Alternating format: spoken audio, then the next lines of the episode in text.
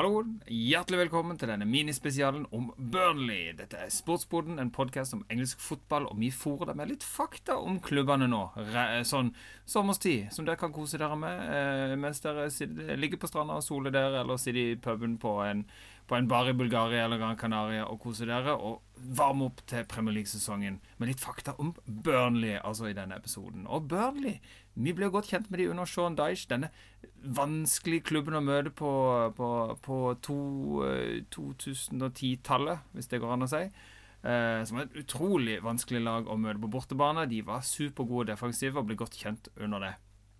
De rykka der ned, men rykka nå opp igjen under ny manager Vincent Kompani og endelig er tilbake igjen. Og vi kommer til å se en helt annen type fotball enn det vi ble eh, så kjent med under Sean Deich. Men Uh, tilbake, back to basics. De ble etablert i 1882 i East Lancashire i England. Ikke så langt ifra Manchester, for dere som er kjent.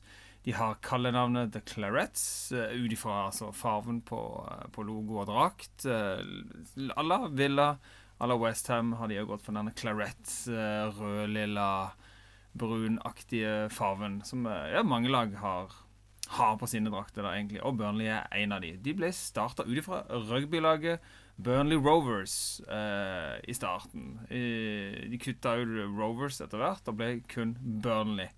De spiller på Turf Moor, som har en kapasitet på 21 944.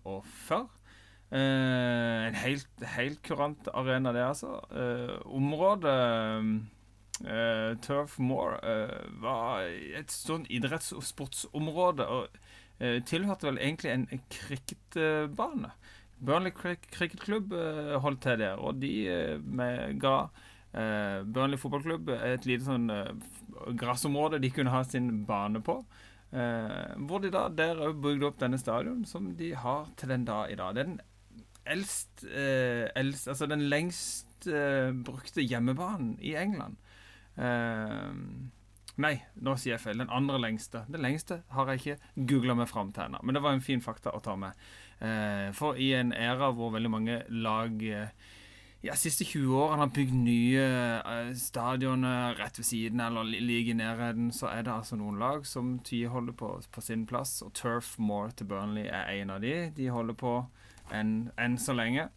Uh, fun fact uh, det Burnley uh, Turf Moor var den første hjemmebanen som fikk engelsk kongelig besøk.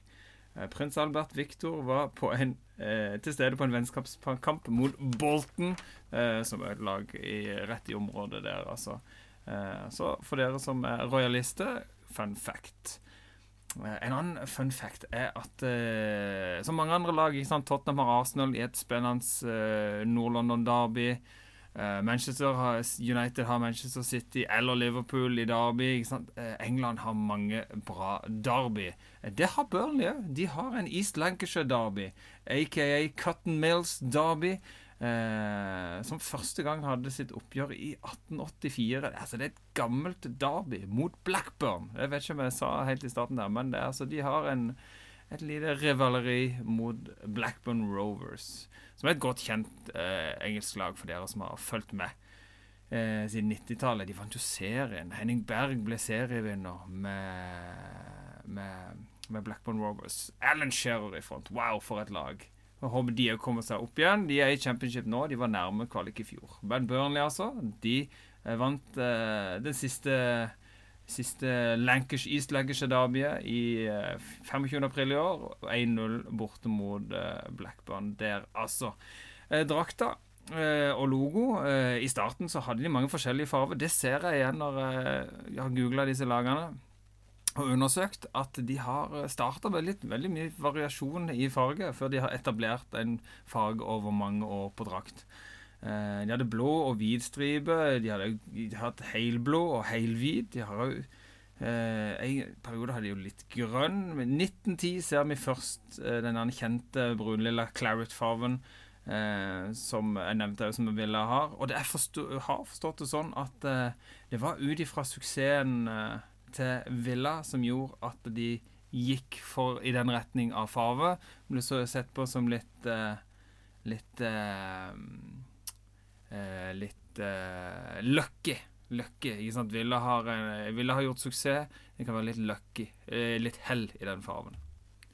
Når vi går over og ser på logoen, så er det litt sånn typisk veldig mange engelske klubber som bruker sånn Hva skal jeg si kommune-byvåpen som et sånn utgangspunkt. Det gjorde Burnley òg, som, som, brukte sånn Uh, hva kalte det for noe? Burnley Coats of Arms. Uh, og bygga sin logo ut ifra det. Uh, I en sånn detalj på logoen så har de en stork. og det er jo en henvisning til, til, mange forskjellige sånn, lokale ting. Den storken er henvist til en, til en, til en lokal familie, The Starks, som har satt sitt preg på, på klubben. Og når jeg sier Starks, eller, nå leste jeg Starkey-familien, ble den knytta til. I munnen på storken så, så er det en sånn knu, knytta ting som lazy knot, not, som henviser til en annen familie. Uh, som holdt til i Burnley-området på middelalderen, som satte sitt som preg på, på, uh, på området. Så er det liksom lokalt eh, knytta disse smådetaljene i, i logoen til Burnley. Ellers må vi se på Det har vært norske spillere. Ikke for så lenge siden heller. Fredrik Ulvestad har spilt der. Ålesund-spilleren Christian Kalvenes har spilt. Rune Vindheim eh, spilte der. Uh, ukjent for meg, en spiller uh, som spilte der så vidt på 90-tallet. som er litt sånn gøy, gøy å vite for oss som elsker at nordmenn spiller for engelske klubber. Ellers er det spennende å se hva de kan få utretta nå når de er tilbake igjen i Premier League. De vant jo med god, god margin og god klarering championship i fjor. Vincent Kompani har transformert dette slidelaget, jobbelaget, det defensive laget som de var kjent som under Sean Dyche, til å bli et angripende lag. De vil ha spillende lag. Det er en helt annen type fotball. som blir spennende å se hvordan denne fotballen fungerer i Premier League. Velkommen tilbake igjen, Burnley Football Club.